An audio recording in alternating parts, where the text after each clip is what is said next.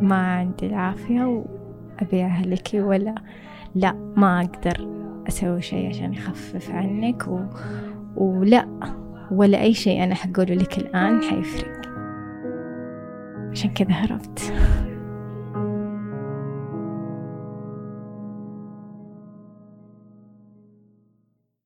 هذه الحلقة من عقل غير هادئ برعاية جافا تايم وشكرا بعد لمشروع تورتش راعي هذه الحلقة.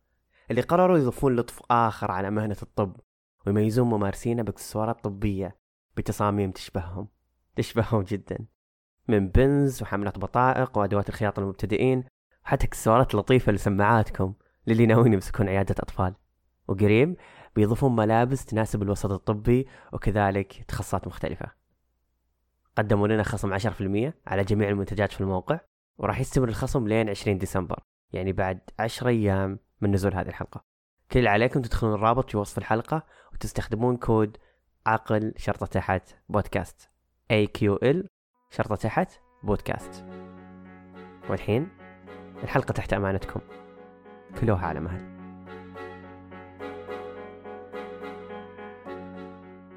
لست ذاتا واحدة. لم تكن كذلك ولن تكون. كذا عنونت الشاعرة مالي أوليفر مقالتها اللي قالت فيها ثمة ثلاث ذوات في ذاتي على الأقل.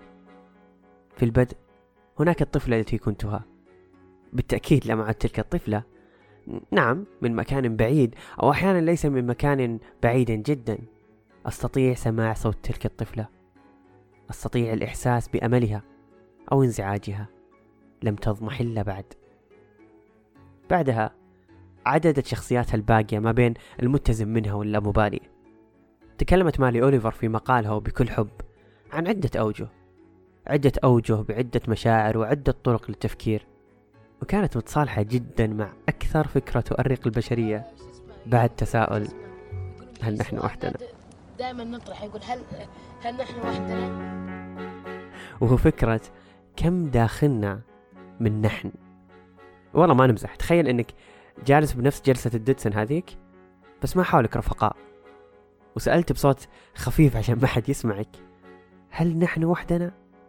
مخاطب فيها نفسك الثانية. ويمكن ما طرحنا هذا السؤال بشكل صريح على أنفسنا بس على الأقل فكرنا وحسينا بكل مرة تصدمنا نفسنا بتناقضاتها. في لحظة الاختلاف اللي يطلع فجأة تحت ضغط موقف معين يخليك تتساءل بأي صيغة كانت عن التضاد بينك وبينك. وتصرفاتك اللي حسيت إنها اختلفت بلحظة من اللحظات بدون أي وعي منك. ومبادئك اللي ترقل فجأة بمواقف محددة وترجع تقوى بمواقف ثانية. ردات فعلك اللي كانت تشبه تماما ردات فعل أحد من عائلتك أو أصدقائك وأنت كنت بالأصل تنتقد أفعالهم. بس سويت زيهم. وندخل بحرب جديدة عنوانها أنا شكلني أهلي ومجتمعي الصغير ولا تجاربي الخام الخاصة فيني؟ وبكذا بكل موقف يمر تضيع بينك وبين ذواتك وأفكارك الأخرى.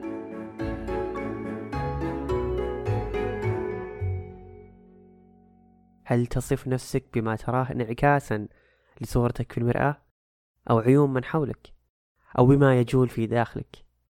ربما تعرف نفسك من خلال اسمك فقط لكن أيهم حقا أنت؟ يقول فرناندو بسوة في كتابه كتاب اللاطمأنينة في نص باسم أنا المتعدد. كل واحد منا متعدد في ذاته. كل واحد عبارة عن أشخاص عديدين أو تمديد لهم. المضحك الغريب أن في نص آخر له يناقض معرفته السابقة ويقول يا إلهي من أكون. كم من ذوات أنا. ما هو هذا الفاصل الموجود بيني وبيني؟ تذكرون تساؤل كم نسبة شخصيتك في شخصيتك؟ اللي كان في حلقة من أساء التربية. أول حلقة من البودكاست. الحين جاء الوقت الحقيقي اللي نسأل فيه في الحلقة رقم 22 كم نسبة شخصياتنا في شخصياتنا؟ أعتقد يتدخل في تشكيلنا أمور كثير يحتاج حرفيا كل منهم حلقة مستقلة. بس الآن قد فكرت أن أحد أهم أسباب تناقضاتك وأهم أسباب تشكيلك هو طبيعة وظيفتك.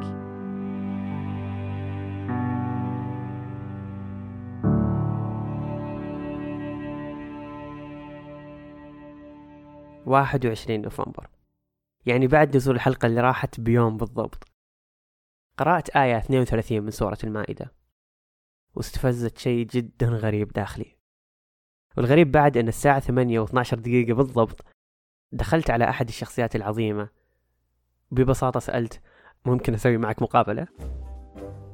كثير يحسوا إنه لا يعني أنت إيش تغذية؟ إيش ما في أحد حيموت من التغذية أو من سوء التغذية مثلا أو من لخبطة التغذية بس الحقيقة إنه لا مرة يأثر. هذه منار أخصائية تغذية. بس مو بأي أخصائية تغذية. منار تشتغل بالعناية المركزة.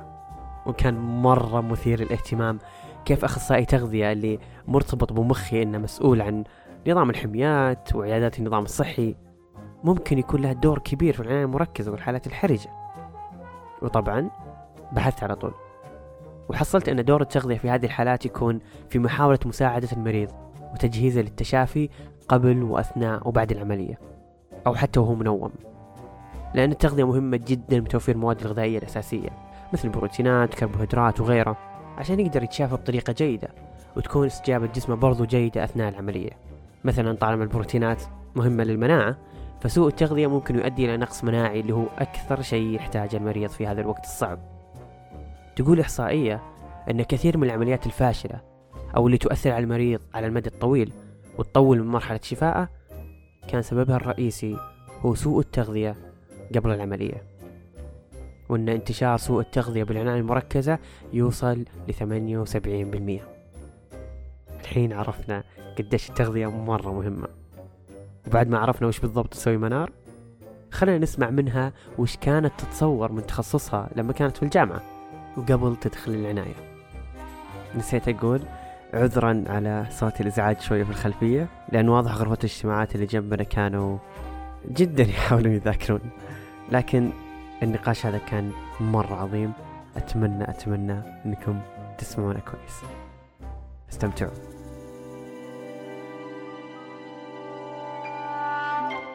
أقول لك شيء أنا ما توقعت.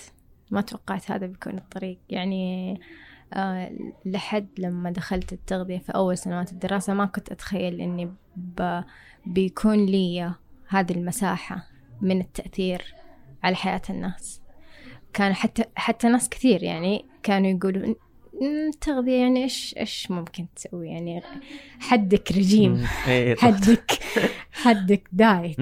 حدك بس لا ما كنت أنا بنفسي ما كنت أتخيل إنه بيكون بيكون آه، كل هذا المستوى يعني آه، كل هذه المساحة قدامي آه، طبعا غيرتني طبعا غيرتني جدا جداً غيرت؟ جدا. سؤال مرة كبير. يعني شعور المسؤولية شيء يكبر مع الإنسان أحس. يعني أنت لما تتعامل مع أحد بس عشان هو آه مثلا مثلا في في في سنوات الأولى لما لما زي ما تقول إحنا في التغذية العامة آه بس نتكلم عن الأكل الصحي وإيش اللي مو صحي وكيف إحنا نحافظ على الوزن وكيف ناكل كويس. تحس إنه أنت ما أنت قاعد تأثر فعليا آه على الحياة.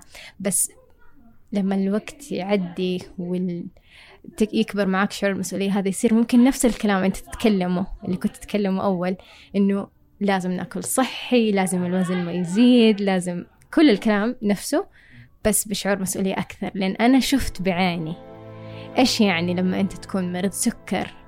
ما تنظم سكرك ولا تنظم أكلك فبالتالي تصير عندك مضاعفات وتضطر تسوي غسيل. أنا بعيني شفتهم. فبالتالي طريقتي في ال في ال في إعطاء ال ال النصائح أو التوعية للم- للمرضى مرة كانت غير.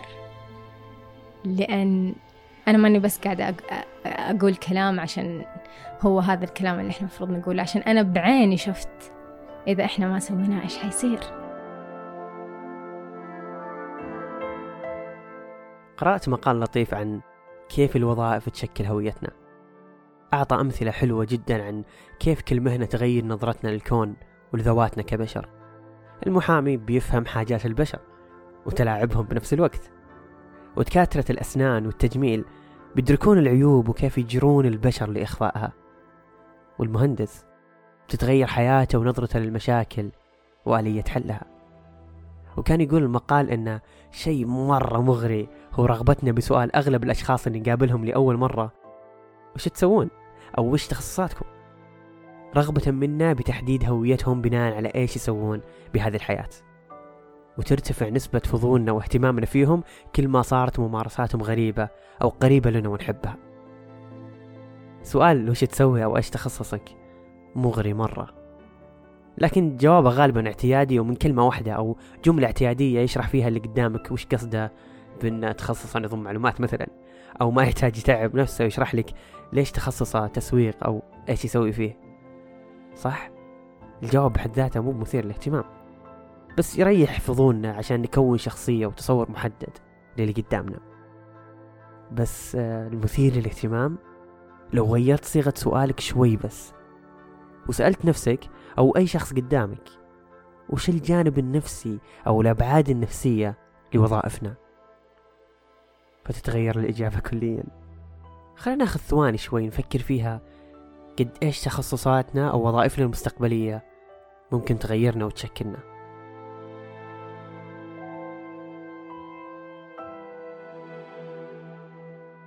طيب بدل ما نسأل منار وش تسوين؟ وتقول بكل سطحية أنا أعطي المنومين في العناية المركزة التغذية اللي تناسبهم عشان يكونوا بخير. ليه ما نقول وش الأبعاد النفسية لكونك موظفة في العناية؟ بس قبلها خلينا نسمع الدكتور بيتر سول وش يقول عن ضغط الموت في العناية المركزة في منصة تد What we know is that obviously we are all going to die, but how we die is actually really important. Obviously, not just to us, but also to how that features in the lives of all the people who live on afterwards. How we die lives on in the minds of everybody who survives us. And the stress created in families by dying is enormous. And in fact, you get seven times as much stress by dying in intensive care as by dying just about anywhere else. So dying in intensive care is not your top option if, if you've got a choice. كان يقول الدكتور ان كلنا نعرف اننا بنموت لكن كيف بنموت هو أكثر أهمية بالنسبة لنا. وإن ما تأثر كيفية موتنا علينا إحنا فقط لكن حتى الناس اللي راح يعيشون على هذه الكيفية من بعدنا سواء أهلنا أو حتى من حاول ينقذنا من الأطباء والممارسين الصحيين. وتخيلوا إنه يتضاعف أثر ضغط الموت سبع مرات لما أحد يموت في العناية المركزة. أكثر من أي مكان ثاني ممكن يموت فيه الشخص. على قولته العناية المركزة مو بخيارك الأفضل للموت. لو عندك خيار. خلينا نرجع لمنار ونكرر سؤالنا. وش الأبعاد النفسية لكونها في العناية المركزة؟ ما هو سهل. أبدا أبدا ما هو سهل. بس آه الشيء الوحيد اللي كان يخفف علي وطأة الموضوع إني كنت أضطر دايما أبحث دايما آه ما أفتي. يعني أحس إنه it's too early for me إني أنا آه يعني أفتي وأسوي أي شيء أنا بس عشان أنا أحس إنه هو الشيء الصحيح. ف لحد الآن لحد الآن في أوقات كثيرة أنا أوقف وأخاف وأقول stop give me five, 15 minutes then I will get back to you. لحد لما جاء ذاك اليوم اللي قالوا يلا منار خلاص. دلعناك بما فيه الكفاية الآن تعالي امسكي مناوبة. ف جو كان كانت الساعة تسعة بالليل. طبعا بعد الدوام الرسمي. و... وكان في حالتين آه، نقلينهم إخلاء طبي من مستشفى آخر. طفلين آه، توأم حدثي الولادة. كان عندهم من من من منذ الولادة اللي هي الحالة آه، انخفاض السكر المتكرر بسبب آه، غالبا يعني المتوقع التشخيص المتوقع إنه يكون عندهم نوع من أمراض الأمراض ال- ال- ال- الميتابوليزم يعني لا أيوه مم. آه، يكون عندهم الإنسولين يفرز بزيادة عن اللزوم فبالتالي يمنع السكر أنه يوصل. جسمهم فيصير عندهم هبوط مستمر في السكر اللي حصل مع هذول المرضى إنهم كانوا مستقرة حالتهم على آه، آه، محلول سكر عن طريق الوريد. وقت النقل ال- ال line أو المخرج حق الوريد اللي يحطه عن طريقه آه، محلول السكري خرج من مكانه. وكانوا قاعدين يحاولوا يرجعوه بس كان بصعوبة لأنهم كانوا أطفال وأوردتهم لسه ما هو سهل التعامل معها. يعني كان في يعني تخيل كذا أنت تشوف بالجهاز قدامك قراءات السكر قاعد تنزل تنزل تنزل تنزل. يعني وفعليا فعليا طبعا معروف إنه نزول السكر يأثر على ال- الدماغ. فكانوا ممكن لا سمح الله يوصل عندهم انخفاض في السكر لدرجة يعني تأثر عليهم على مدى طويل. فكان ك- كلموني عليها وأنا مناوبة إنه ما إحنا قادرين ندخل اللاين والقراءة السكر قاعد تنزل. أنتي كأخصائية تغذية إيش تقدر تسوي عشان ترفع السكر؟ فكان شعور ما أقدر أوصفه. يعني للحظة أنا تجمدت في مكاني. حتى عجزت عن التفكير. وهذا الوقت ما تحسين إنه من حقك تقولين دقيقة أعطوني ربع ساعة أيوة. أنت الآن مطالب بردة فعل سريعة. ما في أي مجال إنك أنت تقول والله استنوني أنا بروح أسأل وأبحث وأقرأ وبعدين وأ- وأجي أقول لكم إيش نسوي. لا الآن هذه حالة طارئة وإحنا لازم نتصرف الآن. لما قال okay راح نسوي اللي قرارك أنت. هل حسيتي إنه دقيقة وقفوا لا أيوه اللي أيوه. كان مرة نفسي إنهم يقولوا لي لا خلاص إحنا حطينا لقينا آه، فتحة للوريد وحطينا ال- المحلول السكر عن طريق الوريد وانتهى الموضوع. مرة كان نفسي مرة. ما أقدر أنسى شعور هذيك اللحظة. طبعا ما نمت. يعني ف... أكيد أكيد. آه، كانت المكالمة أصلا يعني بالليل وأفتكر إني قعدت لما لما الصبح خايفة يدقوا. لما نهاية الأسبوع وأنا كنت أدخل على ملف المرضى وأشوف إيش صار معاهم. آه، صار أحس إنه صار عندي نوع من الارتباط إنه هل أنا ساهمت في إنه أنتوا لسه موجودين؟ هل آه، لو لا سمح الله اكتشفت إنهم آه، ما نجوا؟ هل أنا برضو كنت كان لي يد ف ما قدرت ما قدرت أتجاوز ال- ال- الموضوع يعني أو القصة ببساطة. قعدت قعدت يمكن لما نهاية الأسبوع وأنا كيف كيف تقدرون تتحكمون بأنفسكم ما ترتبطون بأحد؟ يعني أحس ارتباطك بال... بالمراجع ولا ارتباطك بالحالة هذه اللي جتك فجأة ارتباط مرة قوي. مو دائما نقدر ما نرتبط هذه هي النقطة. مو بخطر عليكم ترتبطون بالمرضى؟ إلا طبعا. أصلا هو مبدئيا من العرف إنه ممنوع اللي طبعا. ما يحق لك أصلا تسوي كذا. طبعا. هل تشوفينه منصف إنه في ال... في ال... في قوانين آه، طلاب الطب أو أي طالب بيدخل المستشفى إنه يحطون في القوانين اللي لا ترتبط بأحد ممنوع ترتبط باحد هل تحسينه منصف كبشري؟ لا.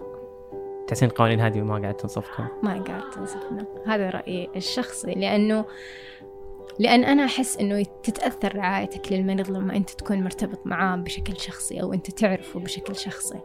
لما أنت تتعامل مع الحالة ما هي مجرد إنها ملف وأرقام وتشخيص يصير عندك تصور أشمل. فأحس مرة يفرق وأحس إنه من مصلحة المريض. فما مو كثير أحب فكرة إنه لا ترتبط عاطفيا لازم تفصل بين مشاعر كممارس صحي وبين هذا. في حد معين في حد مم. في شعر مرة بسيطة. امم بين. بين إتقانك لمهنتك وارتباطك العاطفي. بالضبط. ترى كيف تعامل الإنسان الأول مع الموت؟ كيف كانت الدهشة الأولى؟ وما الذي تراود لأذهانهم وهم يرون عزيزا عليهم؟ أو حتى شخصا غريبا راكدا دون حراك. ما هي المصطلحات التي قفزت إلى أذهانهم ليصفوا المشهد أو ما أحسوا به؟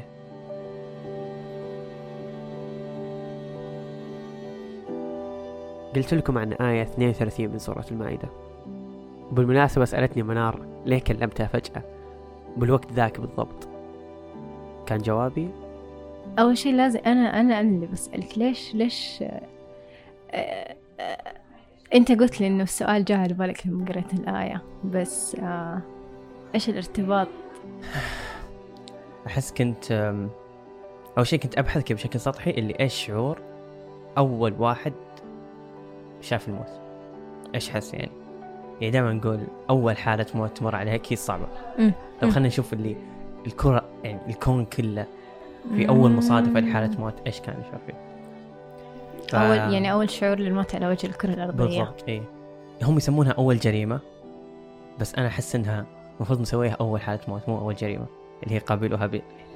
أحس كلمة جريمة تخوف شوي. المفروض نقول أول حالة موت على الأقل يعني عشان نفهم إيش كان يحس قابيل لما شاف الموت حقيقة يعني قدام عينه. أم، فتقول الآية فطوعت له نفسه قتل أخيه فقتله فأصبح من الخاسرين. فبعث الله غرابا يبحث في الأرض ليريه كيف يواري سوءة أخيه. قال يا ويلتي عجزت أن أكون مثل هذا الغراب معناها ما كان عنده أي تصور أن بعد موت الشخص إيش أسوي فقال أن غراب يعلمني يعني إيش هذا السوء اللي سويته أنا لدرجة أن في مخلوق ثاني يعلمني كيف أواري سوءة أخي.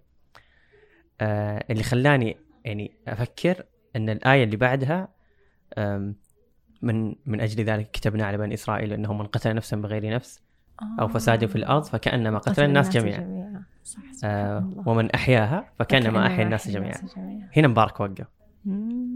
قال ليش إن قال فمن أحياها كأنما أحيا الناس جميعا وإن نسميها أول جريمة أحسها هذه أول تعليم اللي كيف نتعامل مع الموت فلما قعدت أفكر أن في كل المستشفيات يكتبون هذه الآية على الجدار اللي فمن صح. أحياها كأنما أحيا الناس. جميعا مع أنها قالت في موضوع قتل مو موضوع إحياء فأحسها كذا أسلوب تربوي كان في القرآن أنه هذه أول قتلة بس أنه ترى إذا حييت بشري راح تكون أنت في مرتبة أنه حييت كل البشر. فكنت أقول أنه ممكن في قابيل في مستشفى ما. فمن أحياها فكأنما أحيا الناس جميعا. كل شيء له نسبة صواب وخطأ. لاعب كرة القدم لما يسجل أكثر من إهدار الفرص يسمى فنان. والمتسابق اللي يصير الأول أربع مرات بين كل عشر مسابقات يدخلها لابد يكرم. وحتى الطباخ وقدرته على التكرار مع تقليص عدد الفروقات والأخطاء بين طبخته والوصفة الرئيسية راح نسميه طباخ رهيب. بس كم النسبة السليمة اللي نحطها لما يتعلق الأمر بالمستشفيات؟ هل نقول لازم يموت سبع أشخاص بين كل مية عملية ناجحة في المستشفى الفلاني؟ هل نصنف الدكاترة نفس ما نصنف اللاعبين؟ بكم عدد الأشخاص اللي ما قدر يبقيهم على قيد الحياة طوال مسيرته؟ الأهداف الضائعة مع فارق التشبيه؟ وش شعورك لما يجيك هذا الخبر؟ أنك ممكن تكون أحد السبعة اللي بيموتون من المية عملية طيب وش شعور الدكتور نفسه لما يعرف أن كل شيء على عاتقه ومسؤوليته وكرامته وحتى حياته بكبرها معلقة على عدد مرات الفشل اللي يطيح فيها أحيانا غصبا عنه. يعيش جميع الأطباء منذ بداية نزولهم لواقع عملهم أنه ما في نسبة خطأ. وحتى لو كرر عليك المسؤول عنك في أول روتيشن وفي يده قهوته أن الجميع يغلط وأنه مجرد شيء لازم تحتاج عليه في هذا المحيط. ويرجع يكمل رشفته ويطلع الغرف. يبقى الضغط النفسي والاجتماعي وحتى الإنساني يردد ورا راسك. لازم تكون مثالي. يتعلم الأطباء سنة بعد سنة ويوم بعد يوم وأحيانا ساعة بعد ساعة أنهم يتحملون كل شيء. حتى أغلاط غيرهم اللي لازم يحطونها على أنفسهم ويعدون الموضوع. هل أول مرة تشبه الثانية؟ الثالثة؟ العاشرة؟ والخمسة عشر ميت في طوال سنين عمله؟ إذا مو بكل يوم يرافق الموت في جيب اللابكوت؟ هل التكرار يولد الاعتياد اللي وصفه ممدوح عدوان في كتابه حيوانة الإنسان بأن الاعتياد لوحده هو الموت من كثر مواجهة الموت وممارسة عدم الشعور والبشر كأرقام أحيانا مو بأرواح هل الطبيب باقي على فطرته؟ ولا لم يعد يستطيع أن يبقى؟ Mrs. Drucker, a wife, a mother, and a grandmother. They say you never forget the names of those who die, and that was my first time to be acquainted with that. Over the next few weeks, I beat myself up. Um, and I experienced for the first time the unhealthy shame that exists in, in, in our culture of medicine, where I felt alone, isolated, not feeling the healthy kind of shame that you feel, because you can't talk about it with your colleagues. You know that healthy kind when you betray a secret that a best friend made you promise never to reveal, and you get busted, and then uh, you, your, your, your, your best friend confronts you, and you have terrible discussions, but at the end of it all, that sick feeling guides you, and you say, you know, I'll never make that mistake again, and you make amends, and you never make that mistake again. That's the kind of shame that is a teacher. The unhealthy shame I'm talking about is the one that makes you so sick inside. It is the one that says, not that what you did was bad, but that you were bad.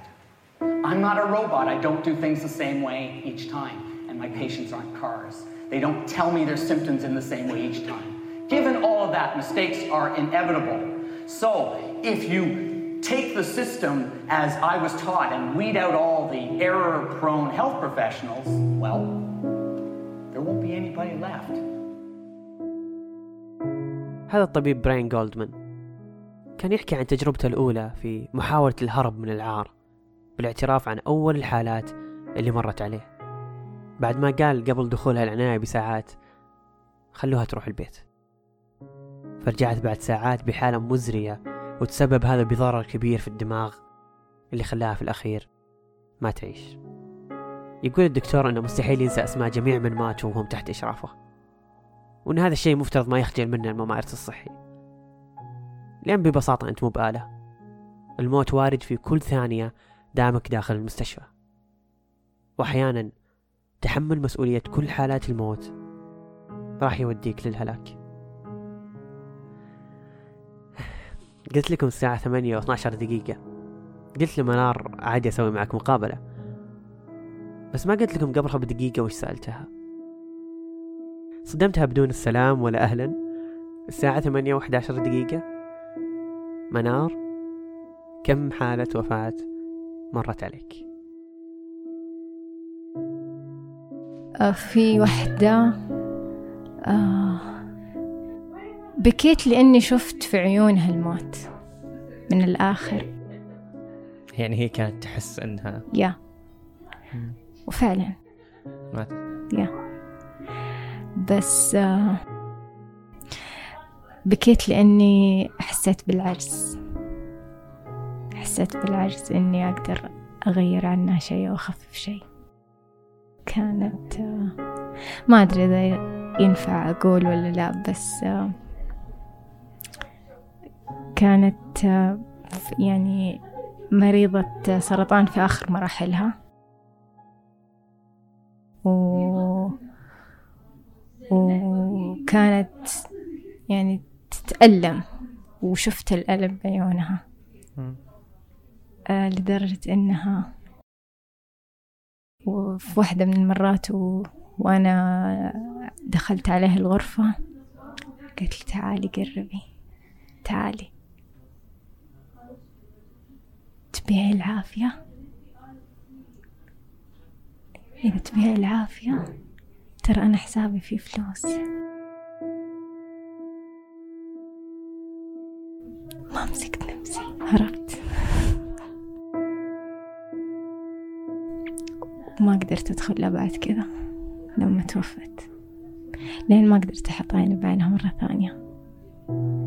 شفت بعينها نظرة اللي يبغى يموت عشان يوقف الألم.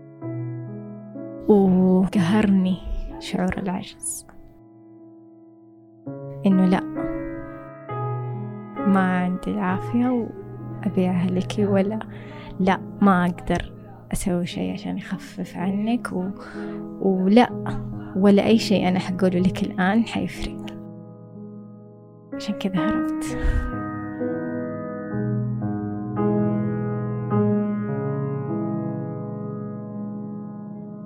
ما أدري هل حسيتي إن لأول مرة إن العجز أحيانا متقبل في هذه الحالات؟ أحس لازم الواحد يهذب نفسه في إنه يقول أحيانا لا لازم تصير عاجز. يعني ليه متى بتحس إن عندك مسؤولية إحياء الكل؟ وهذا أحس الضغط الاجتماعي اللي قاعدين يحسون فيه الممارسين الطبيين قاعدين قاعدين نربي الممارسين الطبيين إن العجز غير مقبول في هذا المحيط. مع لا الأسف. تعجز. مع الأسف. ف بس مو بيدك. صح. مو بيدك. يعني أنت تتعرض لضغط اجتماعي يحسسك إنك أنت لازم يكون عندك الجواب. أنت لازم يكون عندك الحل. يعني مرضى كثير مثلا يوصلوا في مراحل اللي يق- يقرروا الأطباء إنه ما في شيء أكثر يقدروا يسووه لهم. فمثلا يكلموا الأهل في موضوع عدم الإنعاش. مس- مستحيل. غالبا ما يكون في تقبل. بس الحقيقة إنه مو سهل حتى على الأطباء إي أكيد مو يعني, سهل. مو يعني برضو أنا أو يعني في أول يوم خطيت في رجل العناية المركزة في أول يوم كلفت بتغطية العناية المركزة. آه شفت قدامي آه استشارية تتكلم مع بنت أحد المرضى المنومين في العناية اللي كانوا اليوم قرروا إنهم يحطوه على دي ان ار أو عدم الإنعاش. ف طبعا البنت كانت آه، تبكي و... وتقول لل... لل... للاستشارية لا كيف وليش و... ماني قادرة أنسى ردة فعل الاستشارية اللي قالت لهم. ترى ترى ترى ترى الموضوع أصعب علي منك. المسؤولية أصعب علي منك. و...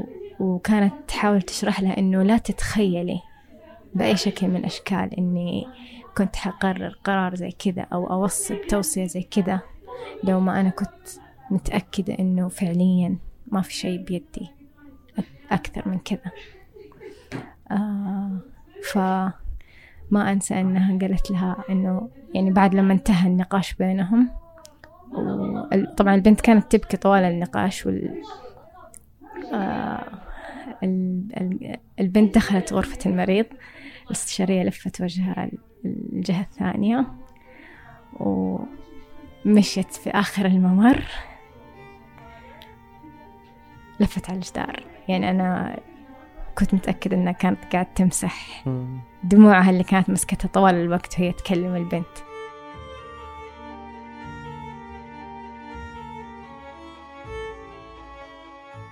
في دراسة أجريت على 1500 طبيب لدراسة حالتهم النفسية وكانت نتائجها المخيفة كالتالي وآسف جدا لمستجدين التخصصات الصحية.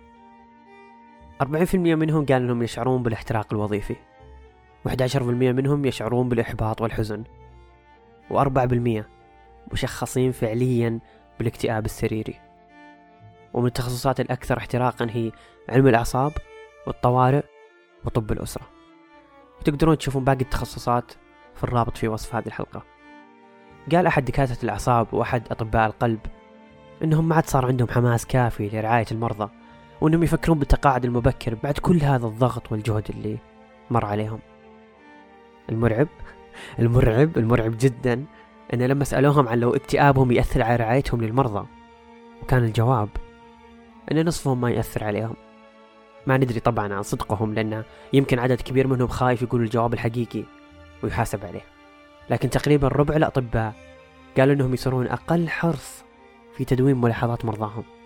هذا شيء مرة خطير. والآخرين قالوا أنهم يطيحون في أخطاء طبية ما كانوا يطيحون فيها قبل. في أمريكا ينتحر ما يعادل طبيب واحد كل يوم وهو أعلى معدل انتحار في أي مهنة ثانية. هذا خلاني أفكر مرة كثير عن كيف الوضع عندنا في السعودية وعن مدى رعايتنا لدكاترتنا وطلابنا المستجدين في المستشفيات.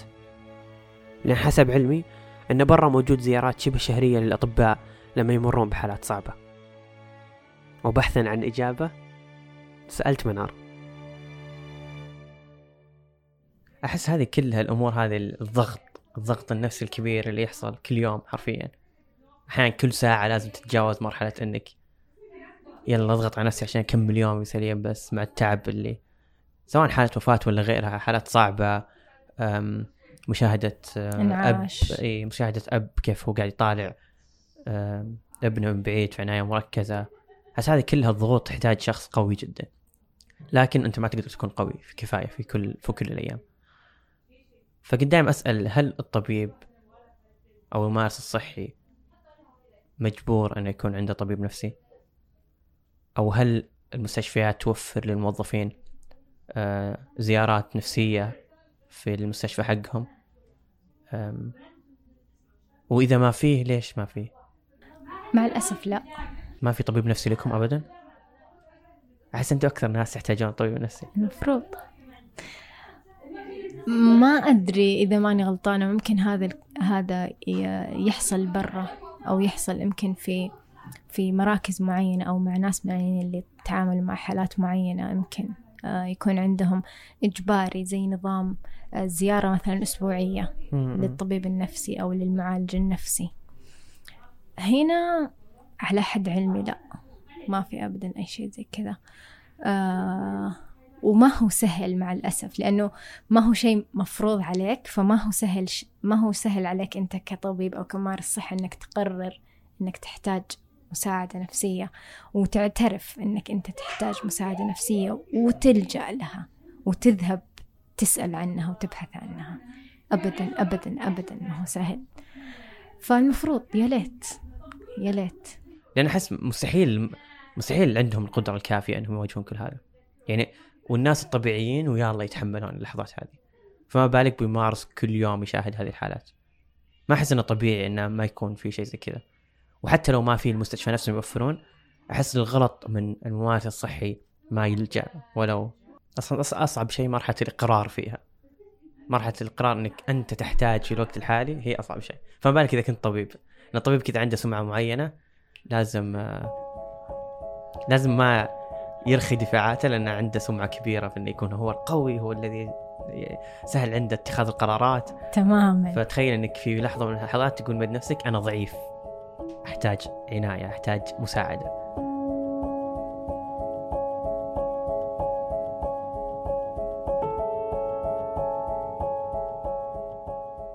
أهلا. إحنا كبشر ضعيفين جدا. ممكن نتشكل بسهولة لو كان في ضعف شخصية بسيط فينا ودخلنا مهنة أقوى مننا. قدرتنا تحمل بعض أمور التخصص والوظيفة متفاوتة. فتخيل أنك مو من النوع اللي يتحمل بعض ممارسات ويوميات الطب. فتدخل الطب بكل حب وشغف إنه الشيء اللي بيخليك جيد في حياتك وتحقق حلم نطق القسم لما تتخرج. فتكون ضريبتها إنك سنين طويلة تحاول فيها تتأقلم مع الوضع زيك زي منار وملايين طلاب الطب في العالم. اللي أجزم أن أغلبهم انجبروا على تغيير شخصياتهم غصبا عنهم عشان يواكبون نتاج النكبة اللي سووها بأنفسهم قبل ست سنين. تكتشف أن كل هذا كان وهم وما تتحمل حقيقته. حقيقة كونك غير قادر روحيا ونفسيا للتعامل مع كل هذا. مهنة الطب تحتاج الإنسان والطبيب الجيد في نفس الآن. فلما تغرق في إنسانيتك راح تضحي بوظيفتك ومهنتك. ولما تفوز عليك رغبتك بكونك طبيب جيد لدرجة نقص إنسانيتك بشكل كبير عشان تحافظ على عقلك من الانهيار. وتكون الاستشاري العظيم اللي يمارس مهنته بعبقرية وبدون عاطفة ودلع. فالسلام عليك. طالب السنة الثانية في كلية الطب. لم يعد كما كان في الامتياز. كم واحد عايش بين العظام والعمليات والوفيات المتتالية. ما يعرف نفسه الحالية وضايع في زحمة من هو وإيش خلته مهنته يسوي بدون دراية وبشكل روتيني. ما نقول لا تدخل طب مهنة شريفة لكنها تتطلب الكثير منك. إنقاذ البشرية مو بهدف سهل أبدا أبدا أبدا. بس مو بلازم تنقذ الإنسان في المستشفى. تأكد إن كلنا مخلوقين عشان ننقذ بعضنا. بس كل واحد فينا مفروض يدور طريقته المناسبة. وقبل ننهي اسمعوا منار وش تقول لطلاب الطب؟ ما يعني هم دائما يقولوا أنت قدها أنت قدها. راح الكثير ما بقى القليل. بس أنا أحس اللي لازم نقوله أو اللي نفسي أقوله إنه إذا ما أنت قدها خليك قدها واعترف إنك ما أنت قدها. و لا لا تسلك بليز حياة الناس ما لعبة. لا تسلك. حياتك ما بلعبة. حياتك مو بلعبة. تماما. انتبهوا لأنفسكم. وتكلموا بصوت عالي عن كل شيء صعب تمرون فيه. هنا ناس تسمع. لأن حربنا واحدة. أنا مبارك.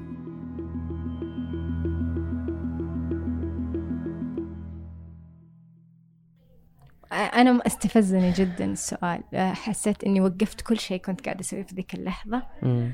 وقعدت أفكر في سؤالك. مم. ف آه وزي ما قلت لك أنا مرة أحب الأسئلة المستفزة. فشكرا على الاستفزاز يا مبارك. حسيتي نت- نتيجته حلوة؟ جدا. آه كويس. جدا الحمد لله. جدا. نحتاج دائما أحد يخلينا نفكر في الأشياء اللي نسويها في معاني الأشياء في. ليش قاعدين نسوي اللي قاعدين نسويه. صح صح. إيش مهم ال- جداً. إيش الأشياء اللي مدفونة مم. في عقلنا الباطن في ذكرياتنا. يعني أنت اليوم خليتني أرجع لذكريات كثيرة يمكن أنا كنت ناسية إني أنا فكرتها. ف يا. الحمد لله. 22 نوفمبر.